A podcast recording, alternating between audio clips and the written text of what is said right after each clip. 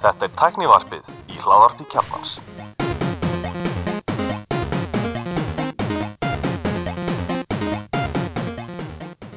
Komum með þessi alveg blessuð og velkomin í tæknivarpið. Ég heiti Gunnar Reynir og ég er allir Stefan og við erum með góðan gest í þettinum. Já, við erum með Kolbein Martinsson frá Ategli sem er eitthvað ekki komin hérna fyrir hönda Ategli Nei, Verður velkomin Takk fyrir það við fengum það aðra til að ræða hérna rafbílaveðingu og orkiskiptin í hérna Á Íslandi. Byrja, á Íslandi, byrja þessi í, í fréttum vikunar Já, við bara ennir fréttavíkunum, byrjunum á innlutum fréttum. Og tökum hérna þessa hérna, orkuskipta pælingar í lokin. Já, það er enda fyrsta fréttin hérna að dagskrá hjá okkur er rafbílafrétt, kannski tökum hann alveg bara létt. Ok. En það er sérst verið í, að stækka hérna ofur hleðslu netið hjá Tesla og það er búið að opna hleðslustöðu núna á Akureyri. -hmm. Og þarna sé ég hvað, fjóra hleðslustöðar uh, komnar hérna þær eru á Horni Austusíðu og Frostagötu Mhm. og Er þetta ekki miðpunkturinn í bænum? sko ég átti ekki sem hverja Ég held að það sé eitthvað staflu út í aðri sko Já, þrý sérfræðingar að sunnan að, að tjá sig um Akureyri Hérna, nú, nú er þú að Tesla það Áttu Tesla það? Já. Er ég Átt eini- þú ekki Tesla? Ég er eini þetta sem ekki Ó, lúði. Hver er munurinn á þessum, þú veist, hversu mikinn mun finnur á hraðleislunni eða Sko Tesla er með hraðslislu net Tesla er með hæst 250 kW Já, nú er bara um tíma, ég menn eru að tala um að, fæ ég, skilur, fullan bíl á korteri eða fæ ég fullan bíl á Já, það er náttúrulega kemur eftir, fer eftir það, það er svo marga, þæ- margi þættir sko. Það er eftir því sem minnir á batteríinu því hraðar er hliður Já, og það er gert, þetta er raunin allt sko, þetta snýr alltaf því að verja batteríð fjárfyrstingin í rafbíl er raunin 50% af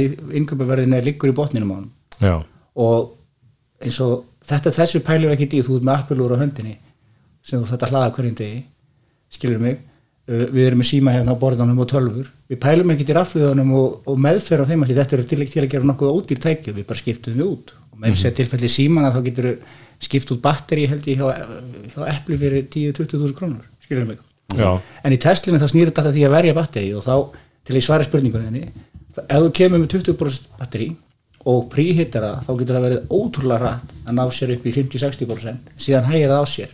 Ég hef einu svona ganni mínu prófað að setja frá 80, ég hlóði upp í 80 á 10 myndum eða eitthvað slíkt frá 50% svo ætlaði ég að prófa að hlaða upp í 100 og það var langu tími. -hmm. það hægist alltaf hægist og hægist á þess að því að hann er alltaf að á raunin að, að passa upp á hérna, setja ekki á mikinn hita og kraftin á raflöðuna, að verja hana. En 20-30 mínútur 15-20 mínútur þú getur farið ansilant á því svipaða myndir tanka og venjulega smábyggi og hvernig er þá eins og maður kemur hann kannski í meðan júli, þú veist, er röð bara í, í þessar, á þessum stöðu sem er Tesla hraðleislu stöður eru? Það hefur náttúrulega bara reynt á þetta rauninni í staðaskóla Já, það er búið að vera það hérna er það eina að það var eina stöðum til landi. Já, sem var komin í virkni rauninni held ég síðustu sumar, er það ekki rétt munni Jú, hefur jú. og svo var núna kvalsvöllur og fleiri staðir og Já,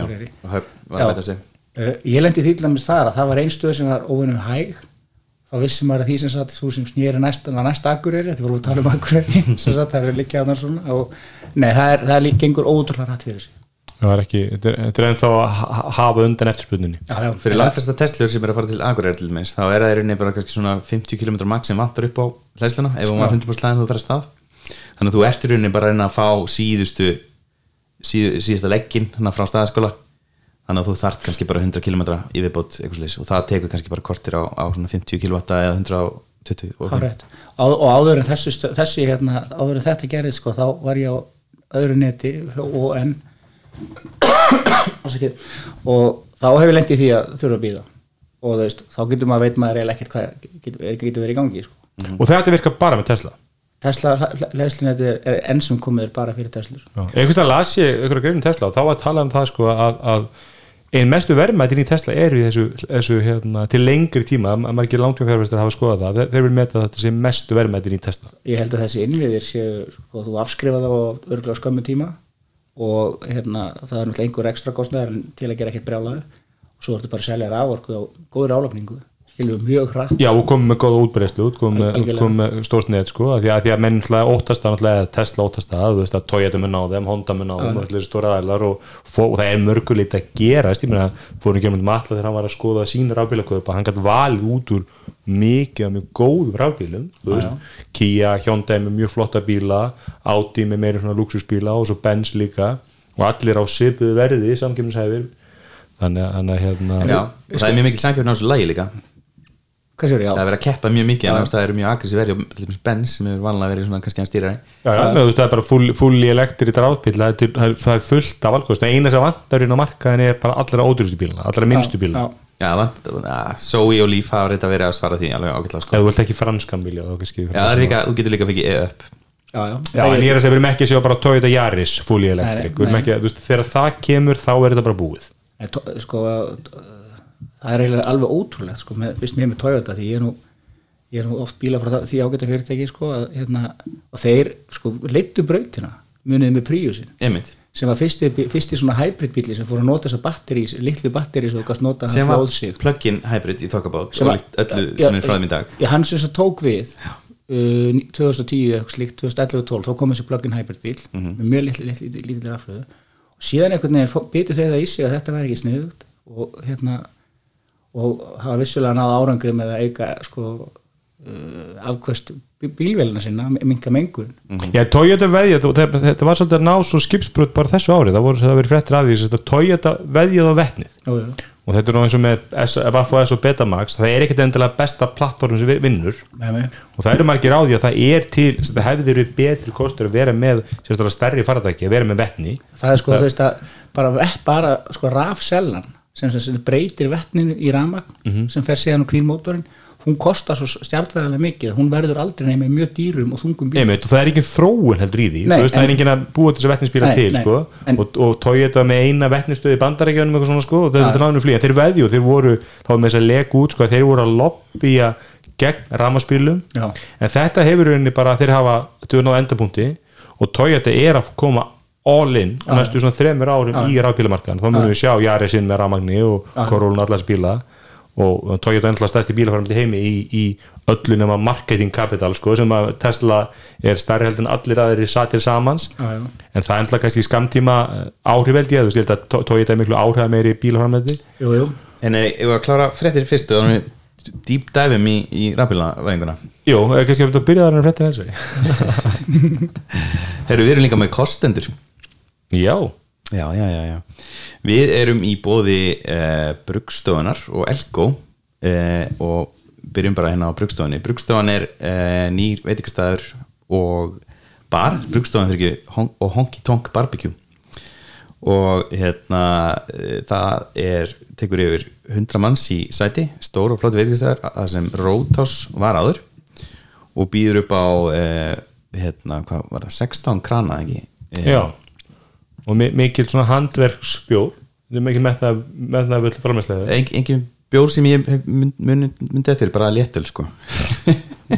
Já, það var ekki verið að dæma mönn fyrir svona tal Já, maður þarf að passa sig hérna, Já, ég, ég held að, ég held að hérna, það að segja einhver sé bar það er ekki held ég, það væri mjög váðsum, það er kannski norðu kóriðu sko, en, en, en, en fyrir að auglýsa hérna, veðmála síður Já. þá held ég að svo koma út á hálfara Já, ég get verið samlega því. Ok. En þarna er hægt að fá að smakka nýjan óradrykk eh, sem að þróa núna fyrir jólin. Og hérna, hann er núna að koma út bara í dag. Það hefur verið bara Eh, mjög gær, mikið kæru hlutfalli hlustandi. það var víða, maður hefði mikið um hann. Já, hann er farið við það og hérna, við munum fá að smakka hann. Við ætlum, ætlum að smakka hann þessum þetta en ég komst ekki að sækja hann. Og hérna, það verður þá bara gert í næsta þetta, sorry Siggi og hérna, ég er spenntur að smakka hann. Pappi er hérna mikill styrningsmæður óra græna, græna bauna þannig að hann munur örgulega smakka líka. Já, og e, það er líka hægt að fá e, reyktan e, svona barbecue mat e, í miklu, miklu úrvali. Það eru tveir reyköfnar til þess að standa undir e, framleyslu og, og matslega þeirra. Ok. Og e, nú e, bílastæðmann í kring og þetta er svona þægilega þægilega downtown, þetta er svona þú getur lagt ennþá og, og, og hérna svo getur þú haldið áfram nýri bæ eftir. Góða mat, við erum með þetta að fara að gera það Gulli á lögadaginn Já, ætlum að gera okkur glæðan dag. Við erum að fara saman tæknarfið uh, og ætlum að, að hérna, smakka óraburinn aftur. Þetta er skemmtilegt. Og hérna við þökkum brugstofunni kærlega fyrir st- stuðningin Takk fyrir stuðningin, hérna fleiri íslenska fréttir hérna, það var í, hefur í fréttum það var nú frétt bara núna í, í hvað vikunni að, að hakkar að herja háskólan Reykjavík. Og svo hafa nú verið fleiri slíkar fréttir að var ekki einhver hérna, hvað stálsmiða hvað það var sem að, sem að lendi, eða lendi í svona ransom attack. Þetta er orðið fyrir Geisla- Geislatekni var fyrirtæki Geislatekni, já, Þeir lendi í, í, í svona rannsóm líka. Þetta virðist vera einhver svona bylgja sem er að ganga. Og Bauhaus. Þetta er báhásið líka. Já, Bauhaus svona Það kemur viðskiptamanna grunnurinn lág sagt, hvort þú verður með afslátt eða ekki. Allir sem var nota kerrulegun í báhás þeir sjá það að báhás fjárfæstur ekki mikið í IT eða, eða sér alveg með landa eða eitthvað slíkt sko. það, það kemur ekki orða Ég held að sé samt þannig, þetta var þannig, ég held að það hafi verið deilt með landa Nei, ég sko. þú finnur það bara þú notar þessa kerrulegu að þetta er ekki mikið, mikið metnaður annars sko, í, í IT þannig hefur Háar ákveðið að borga ekki svo kallar lustningjald eh, til tölvþróta sem þessari frétt sem kom inn á RÚV eh, sem er mjög ákvæðvert svona, hvað maður segja, stefnan hann að we don't deal with terrorists frá bandarískum kvikmyndum er hann að leik sem er mjög al, óalgeng afstæða sko. Það, það, það er yfirleitt það, þetta gengur upp þetta, mó, þetta business model að vera með svona ransomware business er að það eru langt flesti til að borga. Og þetta snýst svolítið um að finna réttu upp að hana sem þú rukkar sem er svona þægileg fyrir flest fyrir geta greitt 50.000 dólar eða eitthvað slíkt sem þú getur til til að komast upp með og það er rosalega mikið metnar sem fyrir í góðri svona viðskiptun upplifun og, og þjónustu. Það sagði mér, það sagði mér eitt félagi minn sem vinnur í svona IT-ráðgjöf og í svona svona djúpri tölvu, tölvu, djúpum tölvugreiningum að þetta væri svo advanserað eða sem sagt þróað að þeir sækja ásreikninga sjá hvað fyrirtekin eiga eigi fyrir þannig að þeir eru ekkert að setja puttan upp í lofti þegar þeir byrjum 20 miljónir eða 40 Já, miljónir þeir vita að þessi fyrirteki eiga peninga eru hvað er sweet spotið? Já, og ég get sagt bara dæmi, ég lendi í þessu einu sinni í okkar litla rækjafyrirtæki fyrir nokkrum árum og þá var, þá, þá var, vorum við með fjármálastjóra og hún fekk post frá mér 1012 þar sem hún var beðin um að millifæra út af ágætispeninga. Mm. ykkur einhverja miljónir, fjóra, þrjá miljónir það þurfti að gera strax þetta væri út af verkefni sem að við hefum unnið svolítið áður sko þetta make allt sens og þetta var gert, þetta var ekki þetta var ekki, ekki, ekki einhverja svona Google Translate þýðinga. Þetta er svona eins og þeir, hérna, hvað heitir hann, heiti Pottapundur í slendi, hann vill fara eitthvað 10-12 miljónir með þessa sama, svona Og- sama skímið. Já og þú veist og þetta var gert sko í hátteginu, þú veist einhvern veginn mann hefur kannski átt þess að því að það var góðu tími skiljið mig. og uh, en þú veist hún bara var grandför og góð kona og hringdi í mig og spurði mig hvað, hvað vill þessi í gangi og þá sáum við þetta, en þetta var ótrúlega vel gert. Og það var ekki hægt að sjá að þetta væri gert með hérna, einhverjum svona þýðingahortum Nei það er nú, menn hafa lögurlega að tala um það það er mjög líklegast íslendingar sem eru aðstúað við í svona Já. sko. Ég Það hugsa er líka- að handtaka sigga hakkara í fyrirtæk. Já, þeir, Er hann eitthvað í sig það?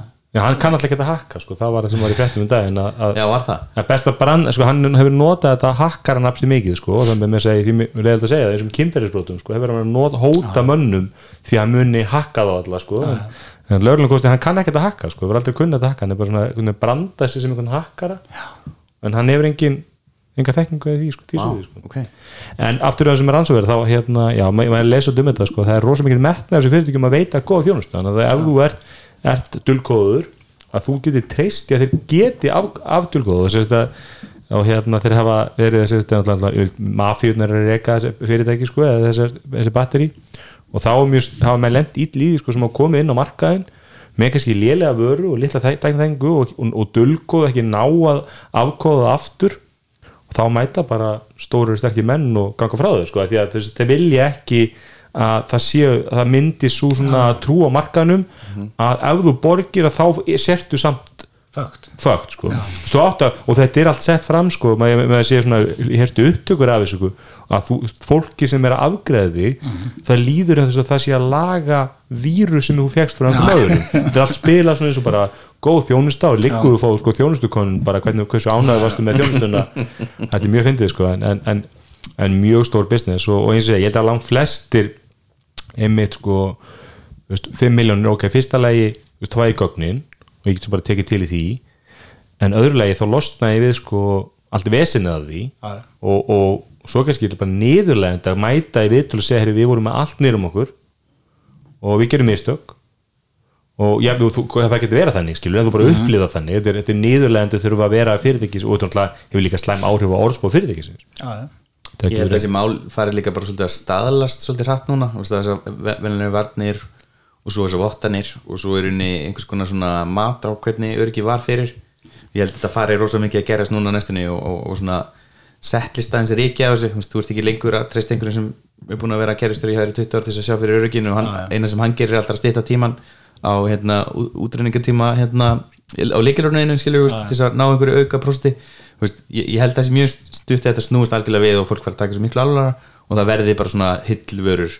Háskólan er ekki að kaupa sér bara A plus veist, það er það sem því þau vilja mikið örgi eða kaupa sér B plus eða eitthvað það Ég sko, ekki, ég, ég hef heyrt það líka einmitt þess að þú veist að segja Gulli, að, að það sé mikið af þessum glæpum sé ekki tilkynntir til dæmis til, lauruglu út af því að menn einmitt bara einbæðar skam, skamma sín. Mhm. að hafa kannski ekki uppfært ykkur patsa eða öryggis eða eins og þið segið líkilorðið við passvort 1, 2, 3, 4 eða eitthvað slikt sko. Hérna en síðan hef ég heyrt það að það sé rálægt að hafa ekki samband við þess aðeila til dæmis í þegar það er enn kryptagögn og það sé betra að hafa ekki samband af því að ef þú hefur samband og það er komin á okkur hérna, eitthvað svona díalógur og þú sem er gengur tilbaka þá getur menn fyrir að refsa þér með byrtagögn skilur við mig já, já, sem Ah, er ávirkur að byrta þig ef þú ert búin að hafa samband. Já, þess að það, þá á að refsa því þetta er líka svo þú segir, þetta snýst alveg eins og menninga kjartborgu og það er eitthvað fælingamáttu með þeim, skilur hvað ég við já, já, og þetta er alveg nákvæmlega saman sem þú veist að lýsa svo vel á en þetta, þetta, þetta er bara reikið eins og gott kerfi með CRM, hérna kerfi þar sem er búið, er búið að ringja hann aftur er búið að fylgja þessum, þessari hótun eftir hérna með andri hótun eða SMS eða eitthvað slíkt. Að hérna, og svo er líka þannig að mörg þessi innbrot og þessi, þessi, hérna, þessi rannsóðverð ásir þessir aðalar, þeir selja síðan þessi gagnasett aftur Já. eftir mörg ár, kannski Já, langar ykkur í þennan baki, já, eins nú er ég blankur. Þú veist, hérna eh, kom annað COVID og ég festist í Thailand þessum ég bý og ég bara er ekki bara að selja eitthvað sem gömlu höggum minna sem ég á. En ég er samt sko, ég nú veit ekki það ekki í, í sko, þetta er hlutum mismundi, mismundi tegundu brotu, er, það er komist í rannsónver þess að geti, geti sett þess að dulkóðu gagniðin, mm -hmm. náðir afréttum af gagniðin, það getur alveg átt að sér það það getur rauninni bæði eða ert komið, ekki þú ert komið að, aðgang að þessu. Já, og ég meina á einum mailserver geta verið ykkur brjálast eitt magn af gögnum skilur mig, stóru fyrirtæki. En bara það að það er náttúrulega kannski svona það sem er náttúrulega kannski mest örgla, myndi ég halda að, að þá búið að taka afrið þessum gögnum, persónlegu gögnum, við munum náttúrulega eftir bara vótafónleikanum mm veist, það var þessum SMS voru sendand á vefsíðinu þau voru að byrtast, byrtast. Já, já, meina, já þú, það, það er alveg klálega sérst, menn vannmet alltaf að vægi þess að eitthvað er mikið þessum persónulega gögnum sko. Og, og, og það, það sá ég líka í þýmáli þar sko, þú veist, það var nægt tækni þekking innan vótu og tókum við upp fyrir þetta Já, já. en stjórnunum á þessu var bara annars staðar í fyrirtækinu. Já. það var bara aðrar, aðrir hlutir skiptu meira máli og verða að uppfæra vefin fljótt og gera eitt og þetta. En vótu hún hafði alla þessa tækni þekkingu til að stöðva þetta innan hús Já. Og ég held að það mörg fyrirtæki og það er mér svona símir allir mjög heiðalur í þessu vótuamáli að segja bara við höfum allir skildið lent í þessu. Það voru allir einhvern veginn óundubúnir og, og, og ég held að og alltaf þetta finnst að Sindi sér stopna þetta bara rétt fyrir vótuamáleikan sko. Veist þannig að það er alltaf bara að símir hætti ekki að ringja sko í marga mánuði. Þú veist og það er bara að vera rétt úr stað, ma maður réttin tíma sko. Og hérna og ég held að mörg fyrirtæki hefum bara ekki alveg veist, fatta þetta, veist, við erum allt þetta fólk veist, en ef að þú ert einhver hugbúnaverkfræðingur en þú bara vinn í allt öðru, þú ert ekki að pæla í þessu eða þú ert einhver neturki sérfræðingur eða slíkt en þú ert bara í öðru málum innan fyrirtækisins það ert ekki kannski ekki að spotta Nei, algjörlega og vilt kannski ekki stíga inn í þessu herri ert þú, ég veit að, ertu alveg viss um að þetta sé rétta, rétti struktúrun á þessu? En ég hérna en já, ég veit ekki, ég held að að það sé kannski erfitt að gagna fyrir fyrir ekki að borga eða að gagna fyrir að borga ekki en en, en það vonu innilega að hann ekki að dæla á stöðna einhverju tölvupostar innan HR bara næstu mánuðina því að því að menn mun alltaf skrifa greinar og allt upp úr í því sko, það er bara svona allt svona leikamála. Með voru ekkert mikið að, að sína hina hliðan á braggamálinu ef að þetta gerist. Já, okkur nákvæmlega hérna, akkur, akkur háir kefti braggan en hérna en, en maður sá það sem með Vodafone leikar ég meina menn voru lítið að sína personu frelsi þess að aðilega sem kannski voru mestu fórnálefin í því máli sem sannlega var brotið á, á personument og það voru þú veist kannski skilinlegt að SMS-in fór í út dreifingu að menn alltaf bara að fyndi SMS-in út í leiða þá Já, já. farið menn að deila því sko. En það var líka, þú veist, það voru líka alveg harmsögur sem fylgdu, fylgdu því sko. Já, ég með þá enda í dómsmálum og, og, og, og, og sögum að þessum málum voru alltaf bara mjög, mjög hérna Brútal, brútal sko. Þannig að saman á því en ég var að fara í hérna er þetta fréttir, kannski byrjum á hérna þá var það Apple, Apple Review vika. Já, og það voru hérna embargo vika þess að núna er það þannig, þú kannski hefur eitt gólfið að þegar nýtæki kom út þá er, erum sumir svona útvaldir sem fá tækin til sín. Akkurat, en þau eru sérst under embargo Já. sérst bannað að tala um hérna tæki fyrir að Já, já. einhver dagsinning kemur út. Og þe- þetta hefur sagt mjög, verið mjög vinsælt núna í svona fimm ár og hefur virkað þannig að, að það druknar allt því að allir keppast um að reyna að ná þessum tíma Já. og þetta hefur verið svolítið skammu tími Þetta Ég- hefur þannig sko að þau fara og þú ferðu viðbun sem einhver tekniblaðamaður og þá færðu tækið Mhm. og farið yfir einhverja kynningu og svo, svo líður kannski vika og þetta er yfirleitt hugsa þannig að sko en bara góðið lift sama dag og var, var hann kemur í almenna sölu Akkurat. þannig að þú veist að þá bústa söluna sko Já, einmitt og hérna núna er svona í, í þessu lansi þá er svo mikið að tekja um að koma og svo til dæmis Google og Apple voru með kynningu núna í síðustu viku -hmm. og hérna þannig að fyrsta skipti núna er svona mínir helstu hérna, mínir helstu síður þær eru seinar og það er bara viðkynna það er bara, það er bara svo mikið að gera Já. Já, ég er bara viljandi líka vil kannski ekki vera í fyrsta batsinu, en, en svo er líka Já. að þróa svolítið að nú er þetta oft svona sko multi-embargo mm. eins og þarna var allir þannig að þá var embargónin lift á að tala um form and finish, útlit, þú veist ég menna pixel og þannig, þú máttur tala um tæki hvernig lítur út, hvernig er að halda þessu leis Já. en þú máttur ekki segja hér eru samaburður af myndavelni og það var sama með MacBookina, þú máttur ekki sína benchmarks, en þú máttur sína tölvuna. Ok, þannig að eru svona líka aðeins að fatta að þú veist, enda er, ég meina þetta er bara YouTube þetta er hannað fyrir YouTube ég meina það þótti svona, voru margir svona virtir tækniblaða menn sem fannst þetta svolítið astnalegt sko þegar Apple, þeir eru með einhverja svona hálgert eins og einhverja New York loft í Brooklyn held ég, Já. sem er innreið svolítið svo íbúð bara og þar buður einhverjum svona áhrifavöldum sko, YouTube áhrifavöldum uh, og voru, snuðu kannski marga svona virta blaðamenn, svona reynda blaðamenn sko, en, en þú ert með einhverja, þú veist, stelpu sem er að fjallum snirtur en líka kannski Apple-vörur og hún er með 15 miljón áskrifundur á YouTube sko, þá er hún alltaf bara miklu mikilværi áhrifavaldur fyrir þína vöru og opna nýja markaði, þannig að þeir hafa eh, svo, svo þetta hefur svona, þú veist, maður sér það er margir svona tækniblaðum sem að, þú veist, voru til þess viðstættir þegar iPhone var kynntur sem að ekki mikið lánum tæki mörg ár sko. það eru bara aðrir sem að skiptir Apple meira máli. Og, og það er alltaf ymmit, þú veist, þú vilt miklu frekar fá einhvað sem gerir vídeo það er alltaf mikið þessum vídeo, YouTube framleitum gera bara óslega flott vídeo Já, já. high production vídeo. En, en það eru ekki komin dómar á tölvuna sjálfa. Ég ætla ekki að neinum svona þessum við, miðlum sem við Nei, ég myndi Eld- eldumst The. Verge, ég myndi viðkynnti það þau vildu fá meiri tíma Já. og, og hérna gáðu út svona first impression grein uh, frá held ég Neil Patel já, sem, já, við gáðum först bæði fyrir, fyrir eða fyrir báða MacBooklandar Mhm. er það prófið eða Já. já, þessar Pro, þessar, þessar Pro og Max Max? Já, þess að fyrir ekki, það eru tvær prófélar já, þetta er- þetta er- slaka þess á þetta er rugglingslegt Það eru sérst tvær tölur, MacBook Pro 14 tómi og. MacBook Pro 16 tómi Já. sem eru algjörlega endur hana frá grunni. Ok, og í nýju úldi og það eru sérst ólíkt fyrir þróun þá er það sérst núna þykkar með fleiri portum en ekki þunnar með fáum portum. Ok en með, með USB-C þá vantilega Já, það eru með þremur USB-C og MagSafe er komið aftur að eh, sagt, hlæslu sem hoppa frá þegar þú rekst á hana. Ok, það, það, það er nú aftur fyrr en allt læg Já, ég er þetta sko ég hef ekki verið vandræði með hana USB-C en þess að USB-C er löst báða megin úst, og það lappaði einhver á hlæslu mitt í fyrra dag Já. og það bara fór úr það sem hlæslu strömbriturinn var já, köpurinn já. þannig ég get nú ekki sagt að ég sé eitthvað svona wow, ég verði að fá MagSafe aftur. Eða veist, mér, mér er alveg sama. Og svo er hérna HTMI og SD hvort það er þessi Apple er rúla, þeir ætla að færa sko þróuna, hönnuna sína úr því að þú ert með, þú ert með einhver svona basic vélar sem eru svona nógu góðar en er ekkert sérstaklega upplöðar, ekkert sérstaklega glæsilega hönnun og svoleiðis. Og, og, og menn hún kent svolítið Johnny Ive um þetta veist, en, en þeir vildu svolítið að þessar þú, þú væri með próvél, hún væri samt þunn og létt og allt það. Og sem var náttúrulega ekkert sérstaklega auðvelt að því að Intel framöndi örgjörn og þurftu að treysta á Intel með, með afhendingu á örgjörnum og svo líku og mér sýnist við svolítið náttúrulega stefni það sko að nú verður bara prófélin hún er bara svolítið svona þú veist eins og segi, við sáum til með 16. vélin hún er með 100 vatta raflöðu sem er hámarkið sakvæmt bandarskum flug, flugum frá yfirvöldum, þú mátt ekki ferðast með stærra raflöðu en það, Já. þannig að þeir voru ekki að minka raflöðuna sem þau klála geti gert.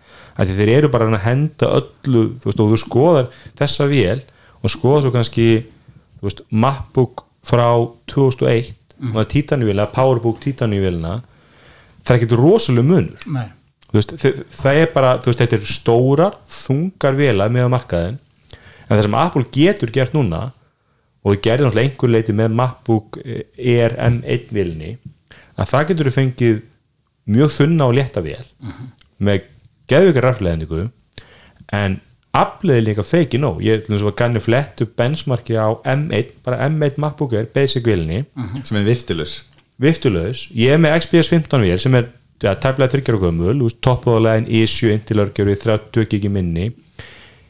I7 örgjöru minn bensar 50% af þessum M1 basic, ótrúðastip M1 örgjöru sem Apple með gerir. Þannig að þú veist það, ég, og það er 100% að ég, ég, ég ætla að leggja mikið undir að það kemur 15 tómi ervél. Og þetta er bara að þú til bú þú getur valið vill ég eitthvað lítið og létt og þunn, þetta skipt það með máli? Eða vill ég bara fá einhvað sem er algjört monster bara, og ég get bara hent öll í það ég með öll tengi sem ég þarf veist, ég þarf að færa hundarabiki og það það sem er alltaf USB-A ég þú getur alltaf, all, alltaf fengi, fengi USB bara með einhverjum dongulum en þú veist, ert mest, mest megnis nokkuð örugur og ég meina eins og HDMI út með HDMI tengja pluggaði fundur eitthvað svoleiðis.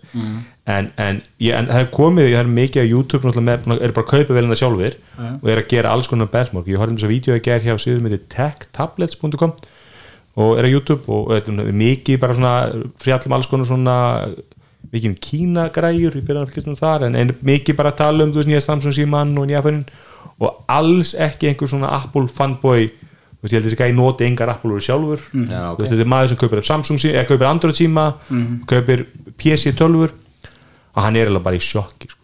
hann er með, sem sagt, hérna, hann er að gera eitthvað sem heitir DaVinci sem er eitthvað vídeo Já. eh, hérna, svona, hérna klipp for it já, í Sol eða ekki? Já, DaVinci er í Sol og hann er með sem sagt, MSIVL sem er sko fully loaded 30-80 skjákort og allt og, og það er þetta einhver böggur í, í sem sagt, DaVinci appinu á makkanum að það þegar þú ert með, með, með hérna, thumbnailið þá er það einhver color villisa Já, já. sem að maður genur ofir að vera þá bara lagað í, um fljótt en, en bara sko til að byrja með bara þetta að nota appið bara þú veist þú, þú skiptur um tab eða þú scrollar eitthvað það er miklu meiri responsive mm. samtöktum með sko toppuðalegin Samsung 980 SSD hérna í MSI-vilni Ok. en bara þetta ógeðslega hraða minni sem Apple er nota og nóg að því 64 gig og ég er endur ef að þessi fulli spekku vél og svo ertu með miklu hraðar SSD að bara allt þetta er miklu hraðara en svo þegar hann fer að transkoða að hún er rétt um að nýjmyndur Apple-vilin mm. og PC-vilin er 34 Já. og hann er bara, hann er bara, hann segir bara ef þú ert í þessum bransa bara alveg sama hvað kefti í fortíðinni alveg sama hvað þú veist, þú ert í pólitík eða trúabröðum bara Apple Mac Pro er eina vitið. Við erum búin að kaupa, kaupa þessa vélaga núna í vinnu og, og við erum þrjú sem erum með þar það er, það er eitthvað svolítið flókið að kaupa þar því maður þarf alltaf að vita á maður að býða er rétti tíman að kaupa núna.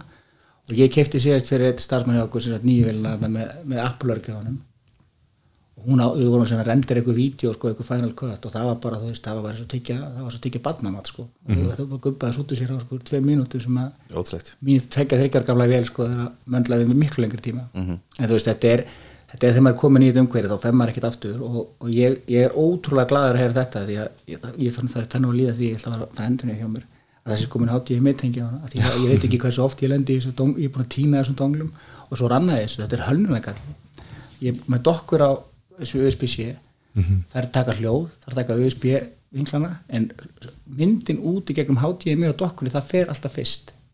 Skiljið mig? Já, já. að ég með þetta í vinnunni skiljið mig? Þú veist og ég kemur tölvun inn á hverjum degi tekið út úr sambandi nokkur sinnum fyrir að fundi.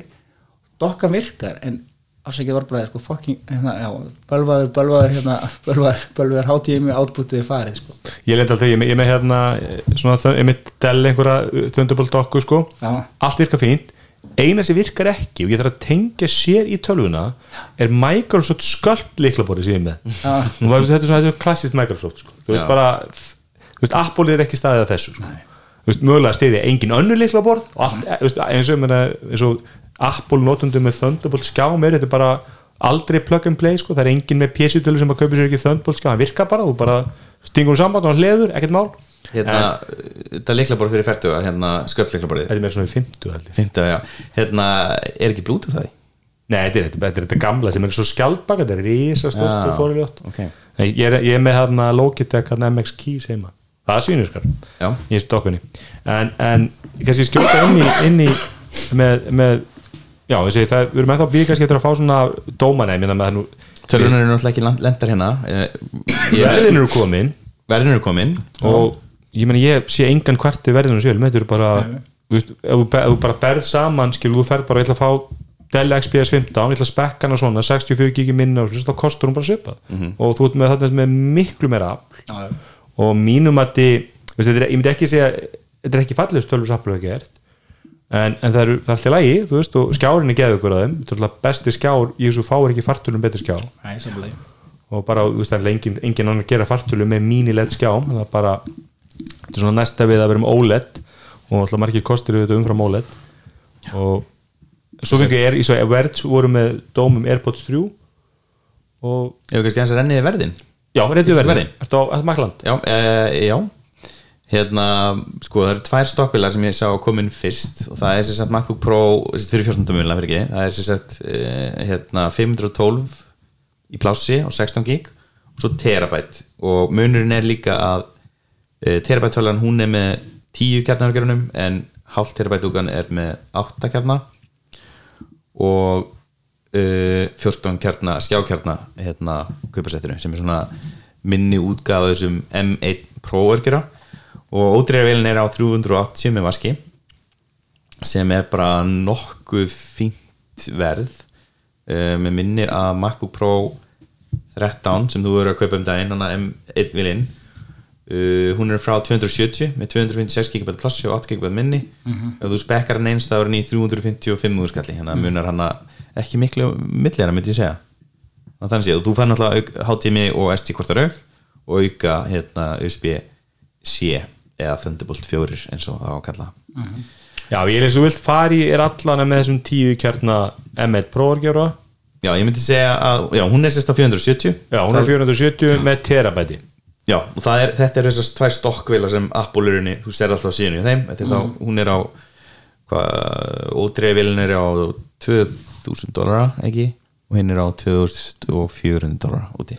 En ég, ég heldur muni sjá meira af, ég, ég geti trúa sko í þessum hefðbundu prófinu, það er svolítið 15 tón vélin er prófíli, þú veist, það er vélin sem er með alvöru örgjörunum og, og allir plásunum. En það er ekki núna. Nú eru þeir alveg eins. Og ég held við sem sjá með óháð verðina því ég er ekkert endilega, ég held að þetta er ekki mjög verðsensitífur markkópur sko, ég held að þetta er, þú veist, þetta er vinnutæki, skilur þú veist, eins og Pétur vinnur okkar sem að, þú veist, hvort hún kosti 400 eða 600, það er ekki, skiptir ekki öllu máli, sko, en ég held bara 1,6 kíló versus 2,2 eða 2,3 þú veist lítil, minn og lettari vél og, og ef þess aflið er það sama ég held að margir munu stökka og ég held að 14. er mjög þægileg skjástærð en e, stokkvélin hérna fyrir 16 tómana, hún er raunin að lækka sinns mér, hún er á 470 skall með sem sagt 10 kjarna örgjura og 16 kjarna skjástyríku og 512 gig minni og 16 gig minni eða sem sagt pláss og minni fyrir geið og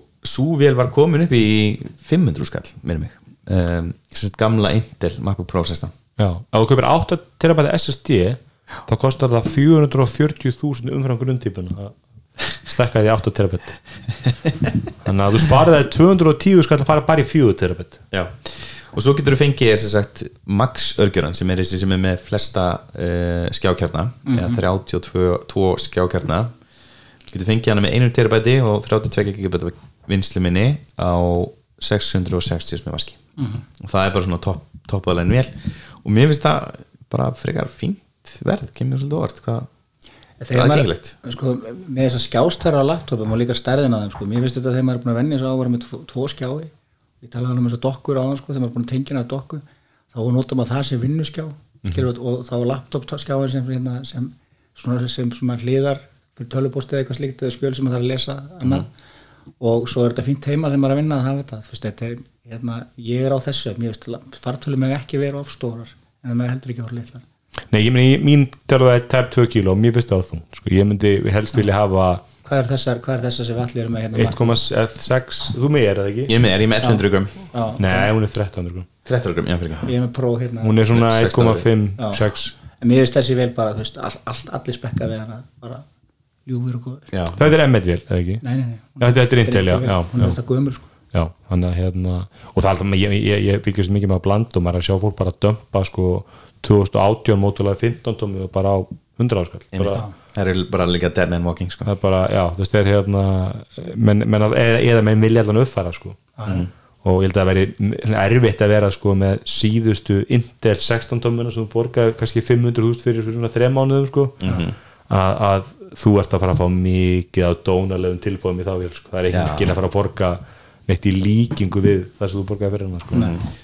engin er laföll. En hérna e, kannski bara skjótin það vo- eru, eru dettin dóma líka um, um pixelin við um, farið hann betur í hann í næsta þetta þegar hann Elmar um sem er mögulega komið með sinn pixel en, en svona að ég veit ekki með það, sagði hann ekki eitthvað aðeins inn í nómber Jú, en, en allan að bara spoiler alert þá er hann að fá bara frábæra dóma. Þú veist bara að vera að fæ nýju það tíu hjá Words Google síminn. Pixel 6 símin uh, Pro-in fær 8 og það er bara það að er bara dýrari hann er 50% dýrari og þú ert ekki að fá 50% meira. Einmitt, það fara þess að linsu hana telefoto Já, en við ekki, ekki fara bara í, í rafbíla og, og orkuskipti og, og það sem við svona Jú, kannski ræða eitt hérna sem við rættum í slakkinu með uh, Airpods 3 eru líka komin eða sem lenda vondi á morgun eða á Íslandi. Og þau eru líka komin með fyrstu dóma og hérna, The Verge, það stakka okkur tvo að þau lækka mill ára. Þeir vorum, sagt, Airpods 2 fengu 9, 9 af 10 einhvern og þessi fá 8,5 af 10 og, hérna, og það er listað upp svona pros and cons kostur og gallar. Og einn að göllunum var að sagt, það heyrist rosalega mikið í gegnum þau. Og, og það er eiginlega aðal ástæðan fyrir sem við gulli elskum að nota þau. Við viljum ekki sérst, loka okkur frá með einhvers konar noise cancellation eða silicon-töpum við viljum heyra í gegnum þau bara til þess að heyra í fólkið í kringum okkur og fólkið tala um okkur. Já, mér, ég, sko, ég bega allar útgöðar Airpods 1 og 2 bara no- nokkur eitt stykki og, og nota, öll að fátt ég nota meira heldur en Airpodsana sko. og ég kefti með prófum daginn bara náttúrulega að prófa hann að spatial audio í Apple TV-inu og, og er einmitt með hérna Airpods Max í testi frá Makland þannig að þess að fikk í því. En, og mér veist klálega að sem ég elska við bara þess að standard Airpoda er bara hvað þeir eru ég finn ekki fyrir þeim meirunum bara þeir eru, veist, það, þeir eru bara ég- þeir eru þæ, léttir, þægilegir fínt sound í þeim, frábær mic. Og, og hérna ég, allan að það sem maður hefur lesið um Airpods 3 að þeir eru bara alltaf sem gömlu hafðu og betri og mér finnst þeim meira að vera fítus frekar en böggur að, að, að vera það heyri, en auðvitað við ákveðin aðstæður þá heyrist mikið í gegn og þú heyrir ekkert almennilega en ef þú ert í mjög háar umhverfið eða slíkt að þá, að þá eru prófun, prófun mögulega betri kostur en, en ég held að Apple sé fara að selja, selja þessa Airpoda í sko algjörum, bara í mörgum bílformum. Já, 10 miljónar líklega á næstu mánuðum sko. Það er- verður jólugjöf en jólugjöf ásins held ég. Já, en- það er bara þannig. Ok, frábært, hérna, jú, skellum okkur í rafbila væðingu Íslands. Já, Uh, við erum mikið að spá í þessu. Ég er nýlega búin að skipta uh, fylgdi þínu fordæmi og getið mér Tesla Model 3 um daginn. Til að mikið takk fyrir. Og þetta er búið að vera mjög gaman og hérna ég er búin að vera að grúska mikið í þessu.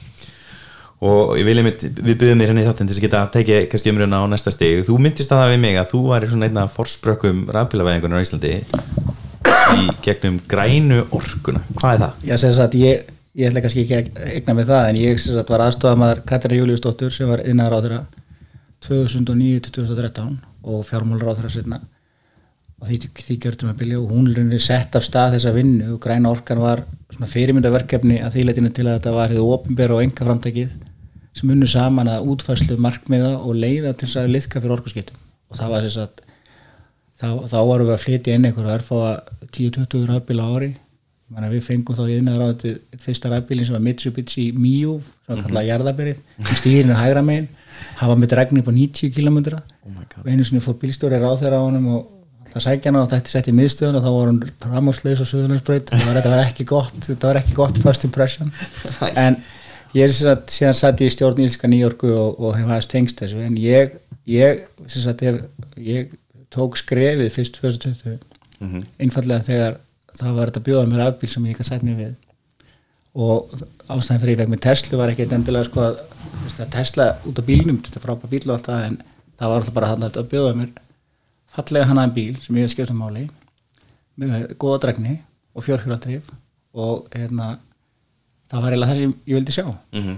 þú veist, við búum á þessu landi og uh, það er veist, frábært að hérna að geta notið þess að geta laðið þetta heima á sér þurfa ekki að fara á, hérna, á bensinstöð Mhm. en maður veit líka að geta farið á skýði og þess að vera með áhyggjur Mhm.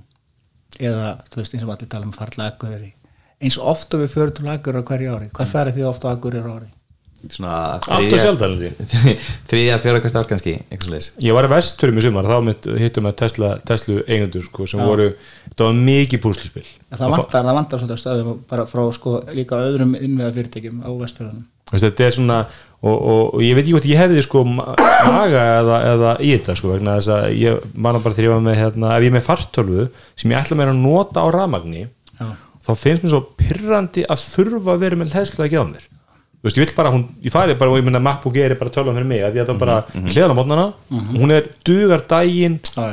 no matter what. Það er eiginlega krafa sem að gera til allra ráftækja Já, og ég held að eh, allir rafmagnsbílar er, þú veist, þetta er smá púsluspil út á landi, út að fara hringin eitthvað slíkt. Og það er svolítið að passa, fylgjast með reikn út hvað er langt í næstu og svolítið, það er alltaf að minka það er alltaf að minka bilið og, og, og akur er eitthvað komin til það þægilegur, þú veist, þú getur hlaðað leiðinni og svo hún aftur á akur þessu tölum byrja þáttar eins, mm -hmm. stýttir í lengri vestfyrirna En þessi, þessi ótti, áttu þú að gera bíla það? nei ég hef ekki reyfil sko. Nei, þessi- ég hef bara bensínbíl. En, en hérna, þessi dreglíkviði hann eiginlega hættir þegar maður fær sér rafbíl.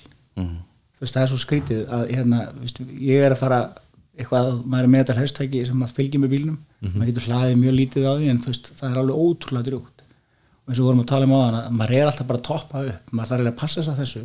Alltaf þegar maður fær tækifæri til að hlaða þá þarf maður að gera það. Já, ég held að eins og þú segir, að fæstir sjö líka að fara mikið út á land sko. Þú veist, Já, þetta, þetta, er, þetta er svona möguleikin að hafa það sko, Musk kallar þetta ABC, Always Be Charging. Verður bara alltaf að hlaða, passa að fara ekki mikið umfram 80%, kannski reyna að halda þig. Þessi, þeir- þeir- Tesla koma núna stiltar, forstiltar í 90% hámark. Já, og, hérna, og ég var ekki að reyna svona googla mig til hvað ég ætti að setja hámarkið á og það verðist vera að það er ekki alveg á reyðum höndum svörin en í rauninni ef þú kemst upp með að hafa hann mest 80% og heldur er á milli 20% og 80% þá myndir Átti- bæta svona 3-4 árum og lítima raflöðunar en þeir eru búin að keira þessa bíla miljón mílur í bandaríkjanum Mhm. veist, sturlaði lengdir. Einmitt. Og batterið duði þann tíma. Mhm. þú veist, rýr, sko afföllin á batterínu svona við tökum þetta svolítið í skipulega líka spurningu sem fólk hefur. Afföllin eru mest fyrst sem er kannski ekki skrítið. Þetta er þú veist, þá ertu með stóran að stóra geimi Uh, þegar þú kaupir rafbíl eins og tilfelli Tesla 7-8 miljónir þá er helmingurinn liggur, liggur í, í ráflöðunum Mm Já, svona að tala að sé á, á bylunu sko fer eftir starflegar þá getur kett standard range en þetta er svona 30-40% Já. virðið bílsins Já. í raflansjálf og náttúrulega ótrúlega mikið hluti af nótkunna virðans liggur þar og uh, þannig að þetta gengur allt út á það ólíkt í þegar þú færðir eins og við erum með þessu iPhone hérna á borðinu eða tölfur að þetta gengur alltaf, allur þessi hugbúna hjá Tesla gengur út á það að verja þessa rafluðuna, mm -hmm. skiljum mig, þess að þú segir þegar ég hló bíli minn nokkuð skipti röð 90% og 95% þá sagði það mér að það væri nú ekki góð, góð umgengni með batterið að gera það. Maður ætti að hafa það í 20-80 og þeir munið þetta hvernig þetta var fyrst þá talaðum að maður ætti að hlaða síma sinn alveg upp í 100 svo ætti maður að tæma hann munið ekki eftir þessu það var rosa reglur sko. þetta var alls skilur svona hérna en reglun nefnist þessi að maður á ekki að vera alltaf með síman í hlæðslu, skiljið mig eða, eða þess að lithium batteri það er ekki gott að vera alltaf með mig full Nei, það er örugglega sko meirinn tíu ár síðan framleiðundin fór að gera þetta í vesmiðinni þannig að rafleðan var 100% en, en ég það er örugglega ekki ásíðan ég heyrði einhver tala um þetta sko, hann einhver var sér nýja síma þá þarf að gera þetta og við myndum standa á öðrum fæti og nuttaður hausinn og eitthvað til þess að stúti gera rafleðinni sko. þetta er svolítið svona bara Já, þú er alltaf forslanar að, að, það eru allan tíu ár síðan sko. En þetta er, þetta er raun ótrúlega einfalt og, og veist, við eigum ennþá líka jeppan og ég nota hans stundum. En veist, mér finnst bara þessi tilhugsun að snúa ykkur um likli og það fara ykkur prósess í gang sem að mala eins og hérna, sé bara hestur eða hvað, hvað, hvað sem það er og er hundleðilegur í kulda þú veist, það er bara, og maður finnur það maður er að fara bara illa með hana bíl keira hann kaldan, hún lífur ekkit vel með það. Hvernig ég eppið gamall landkursir Já, en það, það er náttúrulega, það maður heyrir, ég sá bara, eitthvað, bara á Facebook, einhverju grúpi síðan, það var sem vorum að deila á sko, þú veist, menn er þetta miskil alltaf þessi, þessi, þetta, þetta hérna, setja markmiðum að, sérst, að banna eh, ra- bensín og dísibíla frá 2030, minnum við þessi árið. og er bara sölu nýra. Já, sem, sem er, sem er með sko algjörlega útvatnað markmiða því að þú rýnir í það þá er markmiðið sko að banna innflytning á bílum sem eru engöngu knúnir áfærum með be- be- bensin og dísil. Og ég held bara að markaðurinn verði ekki þar eftir, eftir nýjár, ég er bara ekki trúið að ne- neitt munu framleiða Nei. bíla sem að Nei. meiri þess að stærstu landgrúsinu verður að bóka einhver, einhverju tvimbílar eða vettisbílar eða eitthvað slíkt sko. Já, en samt vandamál er náttúrulega að þessi hæfnibílar eru svolítið úlfur í sögskjari og eru ekki að steyðja við þessi markmið sem við þurftum að setja okkur með orkuskiptin þannig að það er í en með loftslagsmálun áttu við þá. Já, með orkuskiptin, eitt af loftlagsmarkmiðunum er orkuskiptamarkmið það er eitt af þessum sem í rauninni er talið að stöðlega einhverjum 10% held ég En sko- að stóra markmið ekki? Jú, jú, jú, en sko Nei, þess að það er ekki, hvergi markmunum satt að, ra, að bensín og dísibúl við banna 2000, það er enginn að koma heimtíðun og sækja gamla krúsverðin 2030 enda, enda, skilur. enda er það líka þannig í landi svo Íslandi að sem við, það sem við þurfum að fara upp á jökla bjarga fólki skiljum mig, í allskisveðurum við verðum með bensínbíla hérna um ófyrirsjóðlega framtíð og bara mikil dísilbíla. menning fyrir það bara, bara það að fara á fjöll er bara hobby Já, það, getur, það getur vel verið líka að við verðum með vettni í það, skiljiði mig Mhm. vettnissellan sjálfur kostar þetta nokkra miljónir og, og veist, hún mun henda vel í, hérna, í svona bíla þú getur til dæmis verið með flutningabíla og þá getur verið með ennþá meiri sko, stærri tanka mm. -hmm. Uh, regnin getur verið mjög, miklu miklu meiri. En þetta er kannski, hvað maður að segja, þetta er það sem vantar í flóruna í, í rafbílum. Það vantar fyrsta lagi almennilega jeppa. Cybertruck átti að vera svona fyrsti jeppin sem átti að koma og svo er búið sinkonum, en hann er er ekki að ná að- hann er ekki til. Já, hann er rauninni hann er bara vaporware. Ekki, já, við mitt, það er er- sem hann gerir alltaf uh, og sem er rauninni fyrsta skipti sem í rauninni Tesla nær ekki hálfum loforum, sko markmiðum sínum og Ford, Ford er nú bara svolítið ná stela þrjumir, þeir eru konum með F-150 þarna, Já, Rivian, þeir sagt, það voru núna, þeir voru að tala um þarna áðan það er frábær myndbandin á YouTube núna má frá hérna svona allskis mm uh, skemmtulega fólki, Jerry Rick Everything hérna, nú, Já. sem er frægur. Hann, F-150 hann var er með Rivian pick-upinn sem er frábær bíl sem er Já. ótrúlega sko, svipaður Tesla. Ford bílinn er, þú veist, að margan átt frábær en, en hann er alltaf sko, sko F-150 Já. er vinsasti bíll í bandögnum, ekki vinsasti veist, það er vinsasti bara í einsta bandögnum móðir með töfbarna og ég, horfi mjög mikið á, NFL og það er önnur kurölusku pallbílusing sko, og maður langar alltaf í pallbíl þetta er svo, gaurar að gera skemmtilega hluti fallega fjölskyldur sko, en þeir ná svolítið með þessu markaði með að þú, tengjur öll power tooliðin inn í pallbílin sko, en, en þetta er svona momentum sem að Tesla er svolítið að missa af Já, sko, það sem er svo áhugavert með Tesla og hérna það var svona sagansögð því við tölum svo mikið um Apple og veist, ég, ég nota Apple og Tesla og ég, mér finnst margt mjög líkt með þeim. Þannig að fyrsta sem að, fyrstu hugruningatekstlinn þegar þú ferð, sem ferði á sestin í Tesla mótel 3 eða mótel Upsilon er iPad. Það fyrsta sem blasir við þér, það er svona veginn notenda viðbót afsakið, ég er veitir smá hálsinum. En hérna notunda við, viðmótið er mjög minni mikið á svona Apple, skiljiði mig, mjög fallegt einfalt, mm. hvítt og svona það er ekkert að flækja það. Geta stilti mitt á dark mode, sko. Já, ok, en hérna uh, það er sögð, sögð sagan af því þegar iPhone kom á markaðin sem var 2007, það er ekki rétt hjá mér? -hmm. þá hefðu verkfræðingar Nokia beðið spenntir og þeir höfðu náttúrulega vitað á þessum snertiskjá þeir, þeir, þeir átt þess- að tækna búið yfir hún og pælt í henni. Og þeir fóru að ráði iPhone og fóru með henni inn á- tækniborðið og skrúða henni sundur. Og svo andvörpuðu þeir að þetta allir þessi hardware var allir til þeim. Nokia átti allan hennar hardware átti engalegi fyrir nákvæmlega sama hardware örgjöfana, minniskupana og allt þetta sem að til þarf. En þeir glemdu því að það var hugbúnaðurinn sem að iPhone- tók iPhone áfram. mm. Já, já, já, og, og, það, það, það er það sem Tesla hefur enn þetta í dag.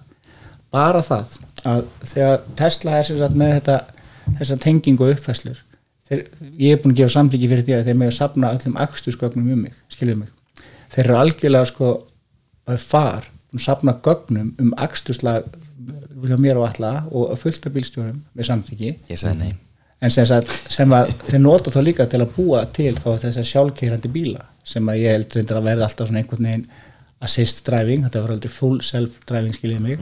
Það veist verið svolítið svona over promise, under deliver sko. Það er svolítið mikið, það er svona smá hluti á þessu, hérna, á þessu hluti og ég meina ég, ég þekki mann sem ég þekki mann sem borgaði 1,4 miljónir fyrir FST eða full self driving við erum með, nú fæði maður bíla með, með autopilot og þessum hérna enhanced autopilot það var basically bara að henda minningum sko. Já, einmitt.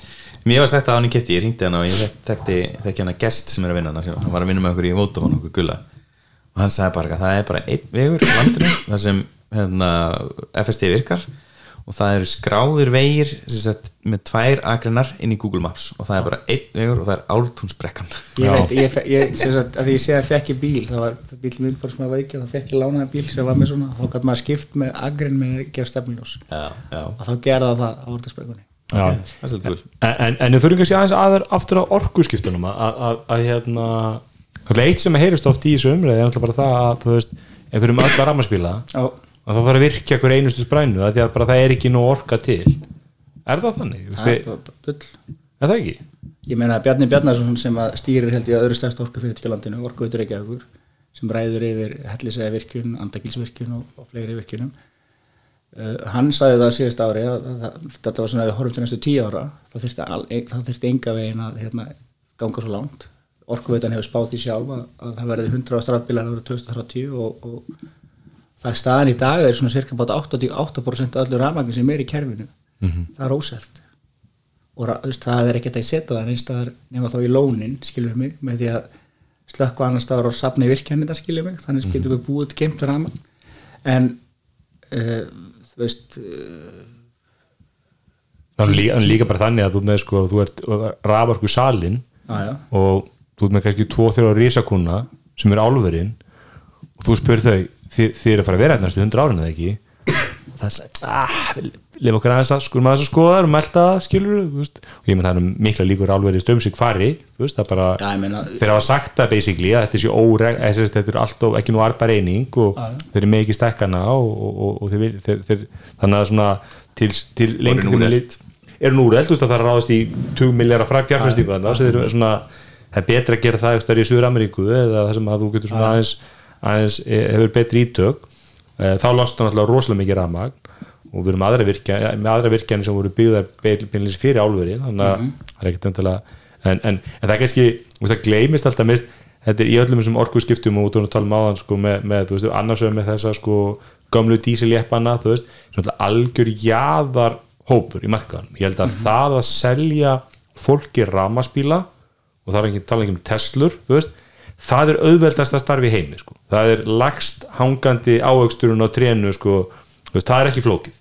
nei, ég held að, ég held að, ég meina það sem að ég- mest, mesta verðmætti í Tesla er, þetta minnir mér á Apple, veist, þetta er líka Apple, minnir mig, Tesla og Apple er það sko að þú talaði Apple aðdæðundur mm -hmm. 2001, 2099, 2000 að það, það var alveg sama hvaða markar það var það, var svo mikið af markaðum sem að Apple átti þetta inn á þú veist, það var PDA, PDA markaður þú veist, þessi lóa tölvurnar og allt þetta sko og menn höfðu alltaf að ef að Apple færi á markaðin Já. þá mynduður gera bestu vörun á markaðin Já. og það var þannig, meina maður ma, ma las eitthvað svona teknitímarit, þú veist það var kannski besti símin, besta, besta hérna, fartölvan, besta bortölvan og Apple var alltaf efstir þú veist, að þeir gera úrslega vanda, vandaða vörur, ekki margar vörur uh, og Tesla hefur svolítið náða að tikki þess bóks ég held að Tesla aðdáðundur trúi að Tesla geti gert allt. Ef að Tesla byrði pallbíl, þá verður það besti pallbíl heimi. Ég skal bara segja, reynslan er bara sínt það hérna, að ég er búin að eiga örgulega, þú veist, ég er 47 ári í dag, ég er örgulega búin að eiga svona einhverja 10-15 bíla, ég er ekkit brjálaðar skipta bíl á hverju ári, ég, veist, þetta var algjör bara leikbreytir og þú veist, þetta er besti bíl sem ég átt. Og ég fullir í það og það er líka þetta, þú far þessi overði air update, skilur mig, sem koma mánægilega, stundum er þið ekkert sérstaklega merkilega, en ofta tíðum verður þið bara mjög skemmtilega, það er mjög gaman að þú ert að spá í því að bíliðin er að vera kannski betri. Þetta ekki stiði gegn öllu sem við þekkjum í bíla, bílabransanum áður fyrir skilur ég meina þú kannski keftir 10-20 miljonar bens og hugbúnaðurinn var svo mikið rusl að maður trúði því bara ekki sko. Er Nei, svo, ég segi sko að mótilið árið eftir var alltaf betra skilur hvað ég við Já. og allir með 2021 bíla ekki? Mhm. hann er betri minn, hann er með, hérna, hann er með hita, hitadælu sem því að hann eigði minna á, á, hérna, á vetuna en í grunni til er þetta sami bílin við erum að kera nákvæmlega sama bíla á sama hugbúnaði Mhm. skilur mig, það kemur sem kannski að því einhvern tímann að hardverið hjá mér það er menn að lendi til dæmis í bandaríkjunum að hardverið í Tesla er ekki nógu gott til þess að geta verið í þessari sjálfkerslu þú þarft á að fá okkur að myndavilar eða eitthvað slíkt en þá bjóðaði mönnum upp á að kaupa veist, ég segi þetta með hérna, með Tesla og Apple sko, alveg eins og þegar ég fór úr þessu pjessi umhverju, ég fór í Apple.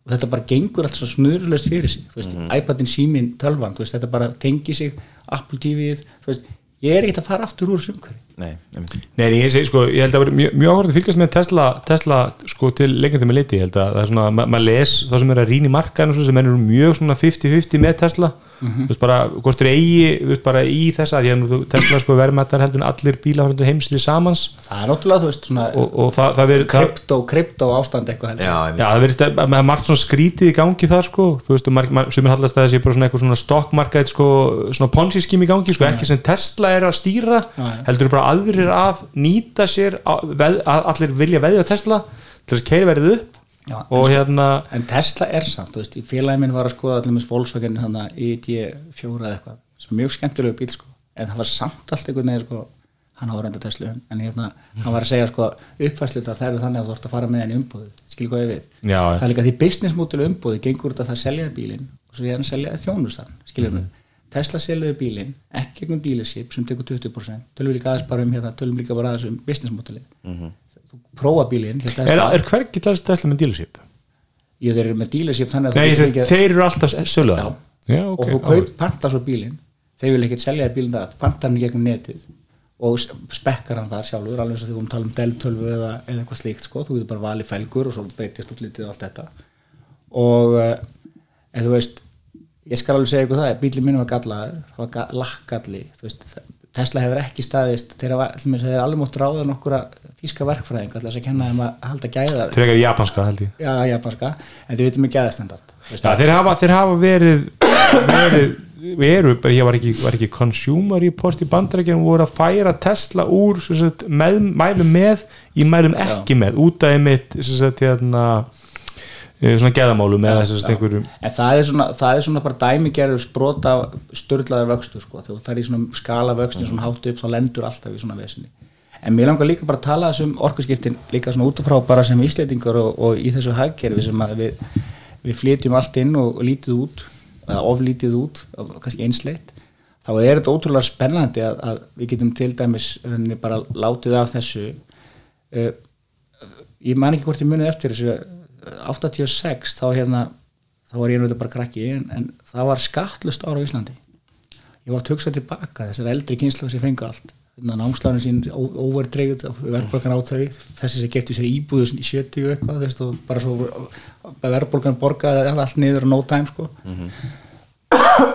Að hérna ef maður fæ sér afbíl núna þá er maður að gera þá er maður á skattlösu, ári og árum og annað. Uh, við allir vitum það hvað við munum borga fyrir að keira okkar 10-20 km á ári næstu 3-4 árin.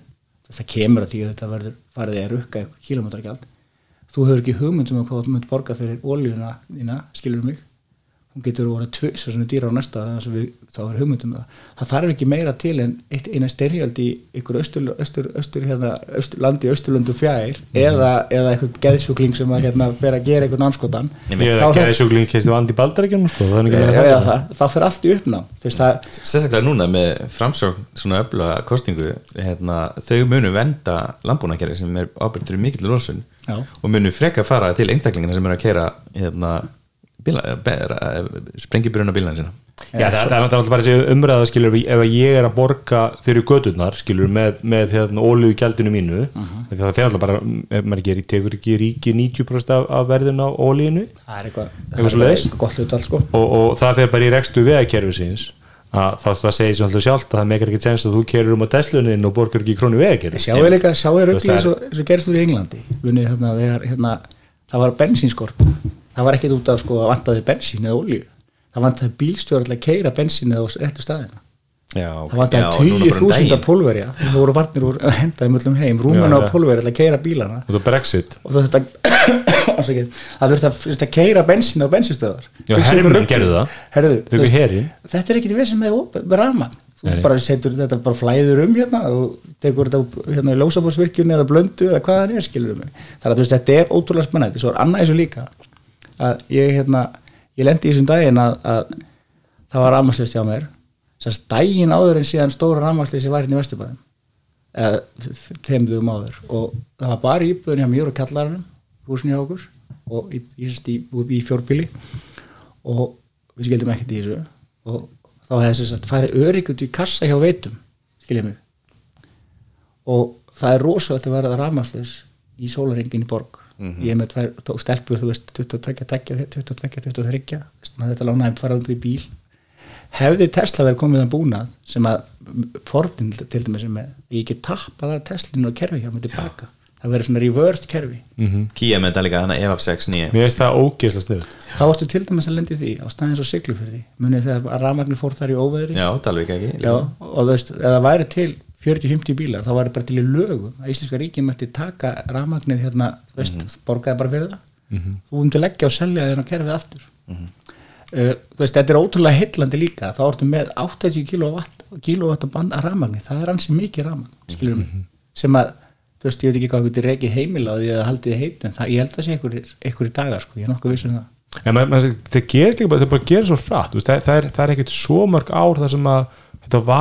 það það, það, það að eða eiginlega bara Tesla sko. þú veist, en, Nissan Líf reyndar eh, hefur Já, verið en svona Nissa Líf var alltaf svona ég veist, jú, hann er svona, þú veist, jú, það er- það fúlið elektri bíl en, en þú veist, það hann er engin Tesla. Nei, skilur, og þú veist, hann kostar heldur ekki þess að Tesla og, og kannski þessum Tesla hefur náttúrulega mest öllu er verðið, ég menna þú ert að borga skóta Octavia verð fyrir Tesla Model 3 En það sem er sko, þú veist, ég held að orkskítan á Íslandi snúist um frambóðsvanda ég held að sé ekki, ég held að sé næga eftirspurn eftir rafmaspilum og á það hefur verið bent Afsakið. Réttilega síðustu kostningum að, að orkuskiptin er í dag ennþá svolítið svona efri mittis þetta game, skiljið mig. Að því leitum til að þetta eru dýri bílar. Ef þú ætlar að fara að reyna rafbíla því einfallega raflaðin er svo dýr. Já, þetta er dýr að kaupa bíl. Já. Rekan er miklu ódýr en þegar þú ert blankur, skiljið mig átt kannski ekki 6 miljónir 5, 6, 7, 8 miljónar á lausu það getur verið mjög miklu peningar og eru miklu peningar. En við sjáum það ef við horfum fram hjá því þá sjáum við það að hérna 2019 þá voru rafbílar um 13% af öllum innfluttum bílum og bensibílar voru 32% dísel 25% svo voru við með þess að plug-in hybrid uh, í 13% 2020 þá fyrir við upp í 30 í rafbílum og í fyrra voru við konur upp í 36,4 og þetta helgast náttúrulega bara því að þarna koma bílar á markaðin sem að slá á þennan óta sem er þessi reynsótti sem sagt með hérna hvað bílinn kemst langt það er eins og ég segi í mínu tilfelli ég hef að býja eftir að fá mér afbíl þangað til að örnum Tesla kom og fjölbílulegin, þau skiptir líka miklu máli.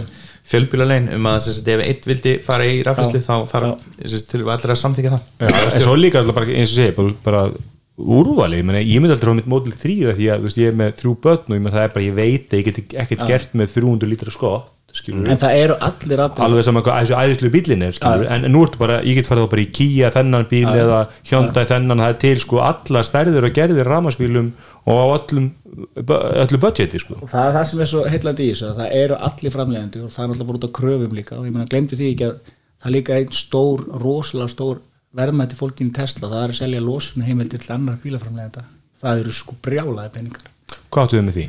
allir bílaframlendur verða undirgangast að draga úr losun, skilur mig. Þeir verða min, minka ákveði CO2 skilur mig, þú veist Já, þetta er eitthvað meðaltalað Já, og Tesla á bara ne rauninni bara eitthvað negatív skilur mig, að, veist, að þeir eru þannig að þeir hafa selt, ég held að Fiat hafi kæftið það en fyrir sko 20 biljónar dólar eitthvað svona, þú veist, ég, ég, fyrir, ég ætla að taka fyrir ára öllum þessum tölum.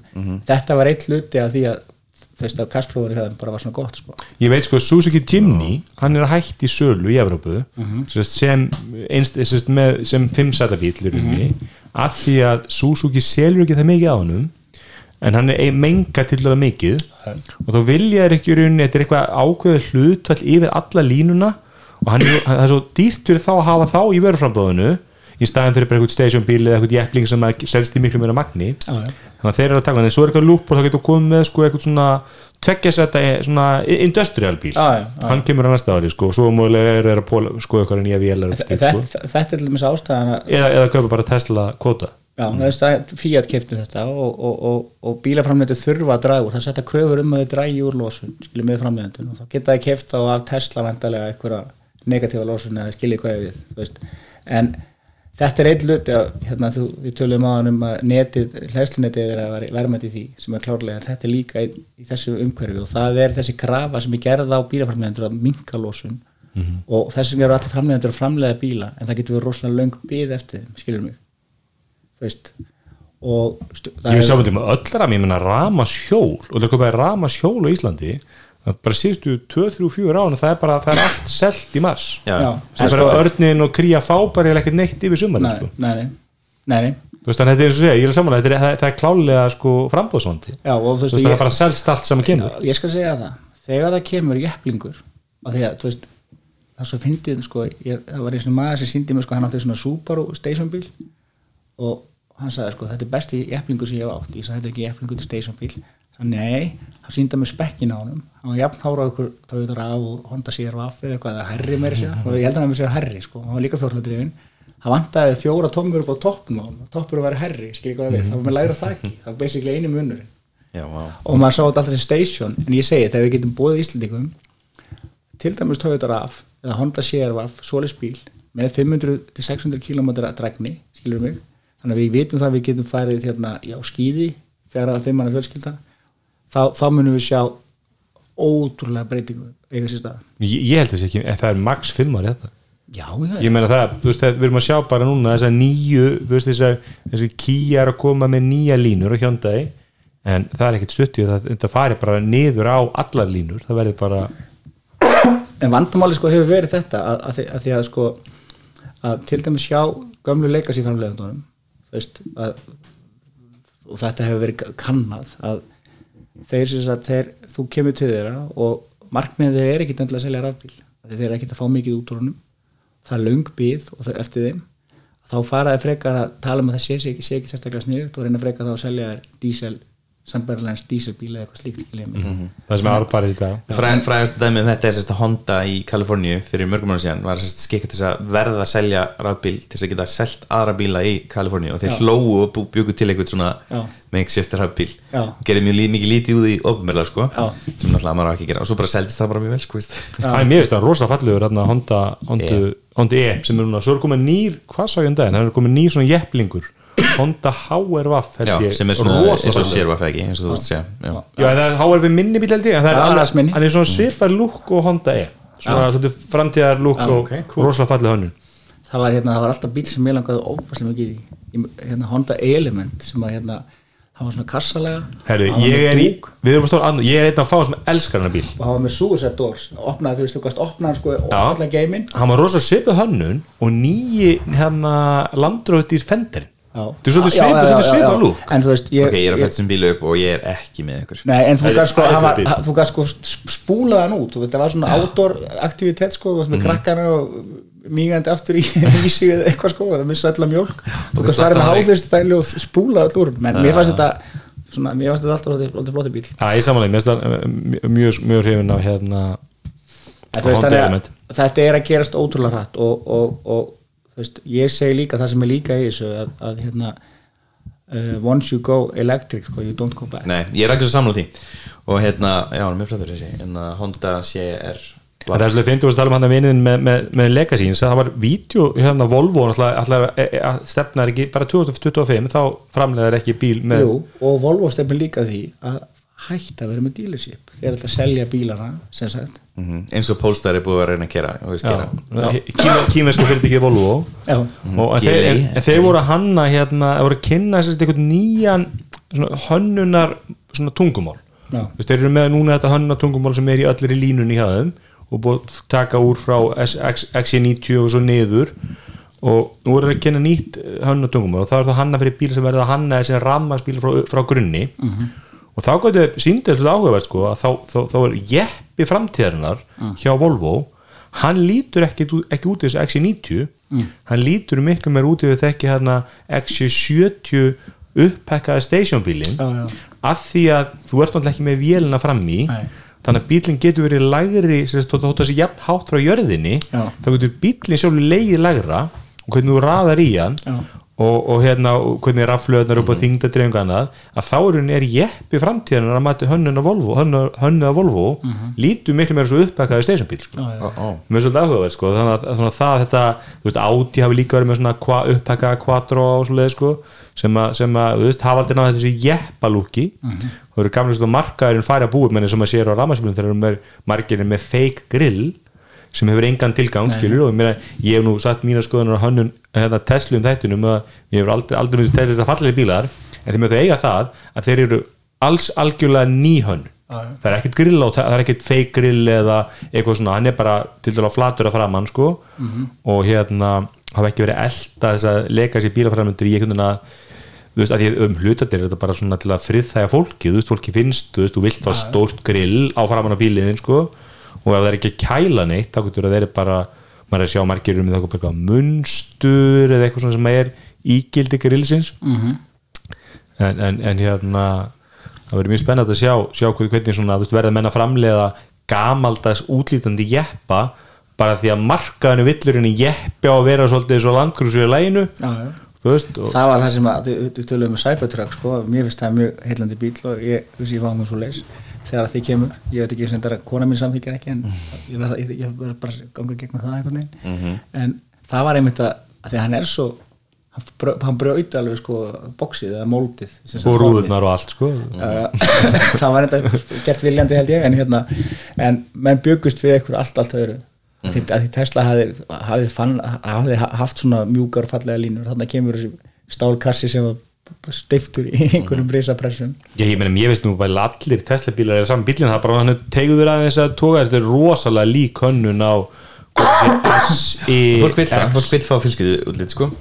Já ég sammála því. En sko en hérna við þurfum að taka hérna auðlýsinguna hann við fyrir að ljúka þættinum. Setni kostandi þáttur eins já, það er Elko og ég ætla að benda hérna hlustundum á það sem munu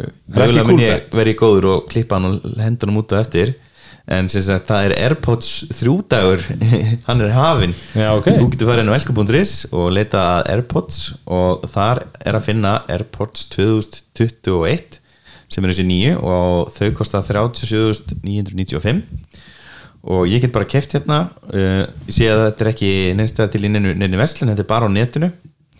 Og ég á að geta sendt hérna í, í bara uh, neyru á N1 stöðana í borgatunni hjá mér. Uh, og þá fæ ég þetta með droppi á undan morgun maður kannski bara prófa þetta henni bytni og ég er gladur kaupið hjá Elko því Elko býður upp á uh, bróstryggingu uh, ef þetta ekki ánæg með það þá hefur hérna, getur skilað henni fengið endurgreitt. Og, og hérna, eða þú bara skiptur um skoðun veist, þú mátt bara skiptur um skoðun og vilt. Og þá getur þú fengið uh, endurgreitt um, sem er ekki snild og uh, Elko er að nota einmitt þetta drop, hafið prófað það strákar? Nei, drop er hérna svona uh, afdíkaþjónusta eða postbyrði þjónusta maður segja það. Uh, þú pantar og ef þú pantar virkulega 1 uh, 13.00 á virkudegi þá er það komið uh, samdags í einhvern stað og staðinir hafa verið N1 bensinstöðar eða eldsnittistöðar er ekki komið eitthvað finnst þetta, ég var svolítið að leitin daginn á svona, af rafleslum á bensinstöðum og það var nú ekki mjög víða. nei. það er bara frekar, enda, meika það ekki sem seldi ég þannig sé Þú hlefur bara ramaspiðin í bónus eða krónu eða eitthvað, þú ert ekki að hlaða hlaða langblæstur heima á sér Já, eða það, mér finnst þetta áhuga að segja, er þú með kynningunum kannski þarna Já, ég er bara með leindrið með að kíkja inn á elka.is og, og finna þar fullt af verum og, og fá sent samdæðis og panta reglulega neitt með drop. Við með, mælum að menn fá sér hérna, nýti sér Airpods 3 daginn hjá Elko. Já, en ég ætla að skjóta, það var eitt sem í kringum mig sem að, með, fór að tala um skopið sér rafmaspíl og hann ætlaði sér aldrei að hlaða hann heima. Mér finnst það svo, mér finnst það svona þú veist, abstrakt, mér, mér hefur aldrei dottið það í hug sko. En hann sagði að það er þú getur alltaf að hlaða það er bara, þú veist, hann getur hlaðið í vinnunni konan getur hlaðið í vinnunni og, þó, og, og ég, meni, ég, ég dæl ekki bensín á bíli minn heima það mér það var eitt félagi minn sem vex í bíl og Tesla um þetta en hérna, hann um þetta er bara með litlu hérna, heima hlæðsluna þetta getur sér ekki hlæðslustöðu en hann hlæðir hann í vinnunni, býr svo vel. En þetta er, það er svo áhugavert í þessu að, að það sem við nú sjá í þessu að hérna, Já, maður sem að tala um er ég nei, reyndar ekki. Samt ég er ekki með heimalislu hann er er bara samt- með já, ok, hann er sett í teknaröfni en, en, en, en ég ætlar ekki hendunum það var ekki þú en þú ert ekki með mannsli Nei, ég, ég sést bí þannig að það bílakjaldara minn er í eigu þriðaðala og ég leiði stæði já, já, og ekki eitt stæði heldur bara einhver staðar. En þú veist, það er svona amarka svæði fyrir það sem eru í Bríðatúni og hérna þetta er, þetta er stærsti bílakjallar landsins í, sem er undir Þornatúni allir því.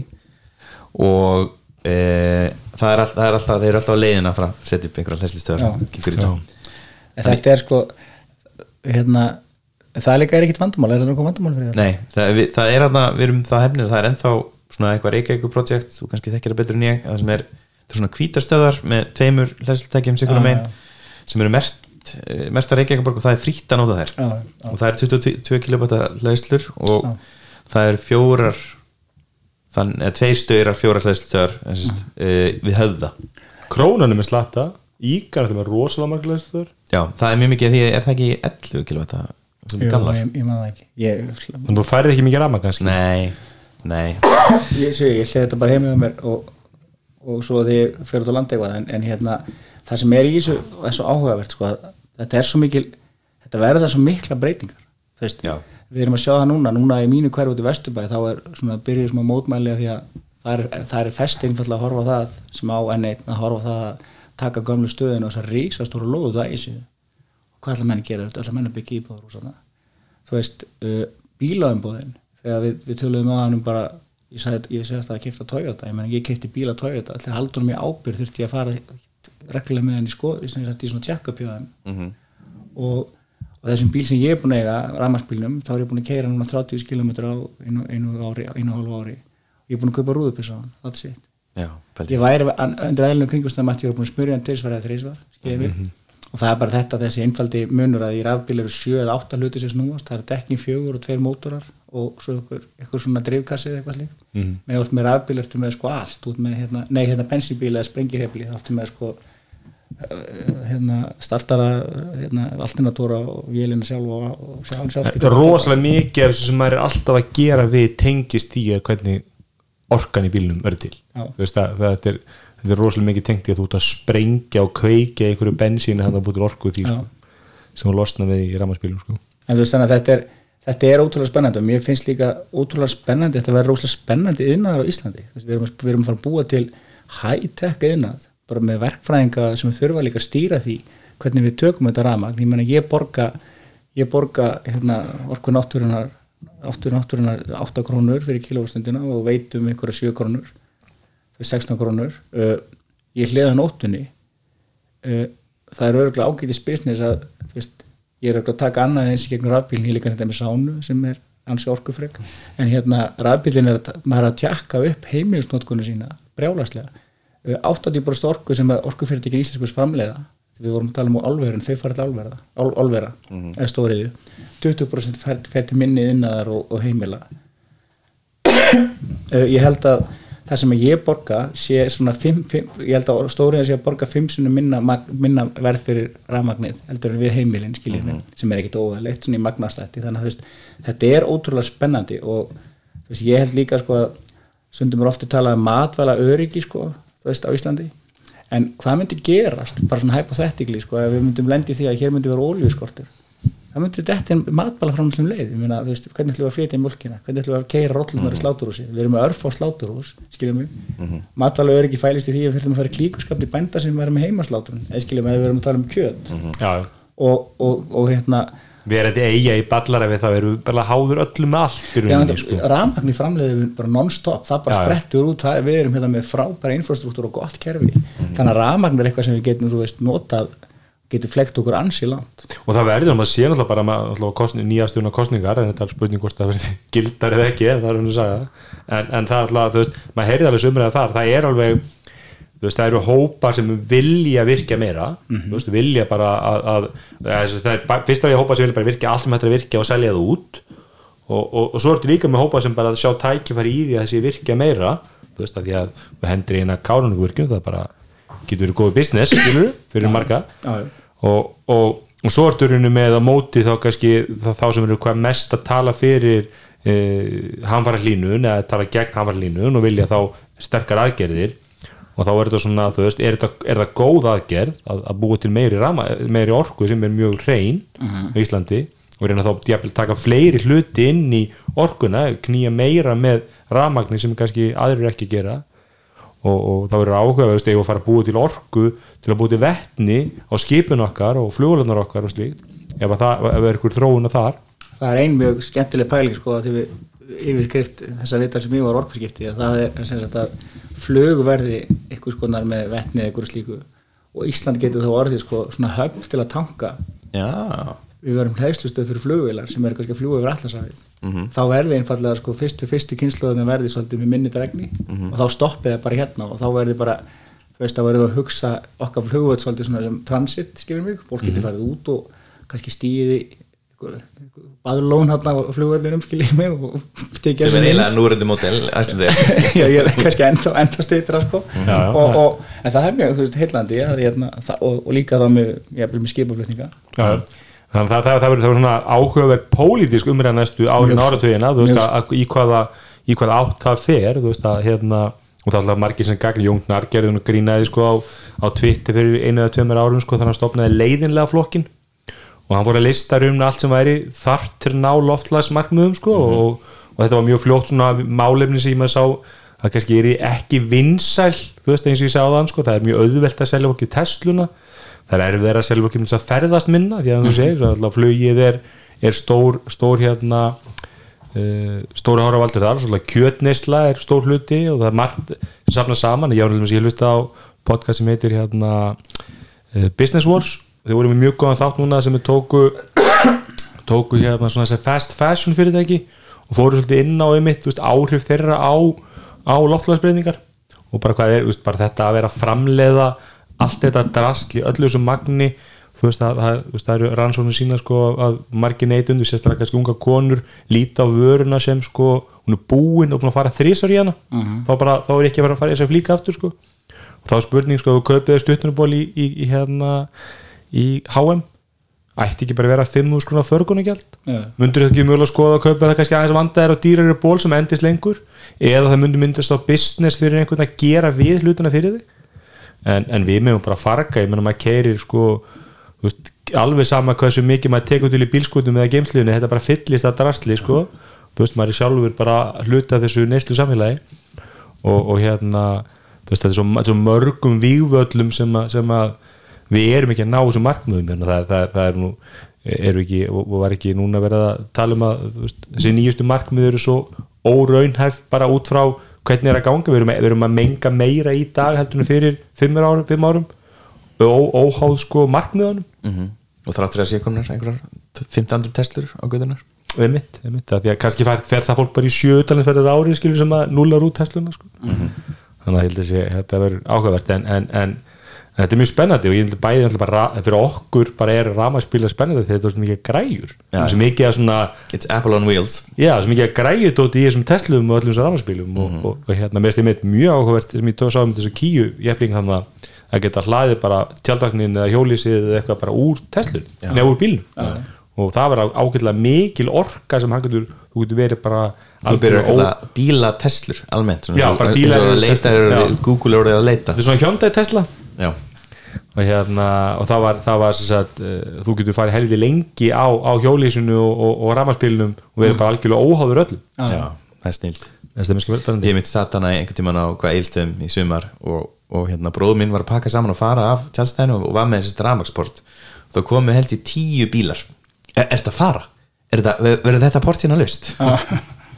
Já, það er, það ég, ég, voru með nokkuð, nokkuð sagði það sumar. Mér finnst þetta batna rosalega mikið sko. það var vel bara, það var eitt svona einhver, einhver með fjórum portum og hann sló út bara við fyrst tækifæri sko. en mér finnst þetta að koma með flestum stöðum þannig að það er bara til dæra okkar, þetta er ákveðlega góð business, selur daginn á þúsungall þú veist, orkan kostar alltaf ekki neitt. Þannig að jú, það er eitthvað fjárfjörðskostnir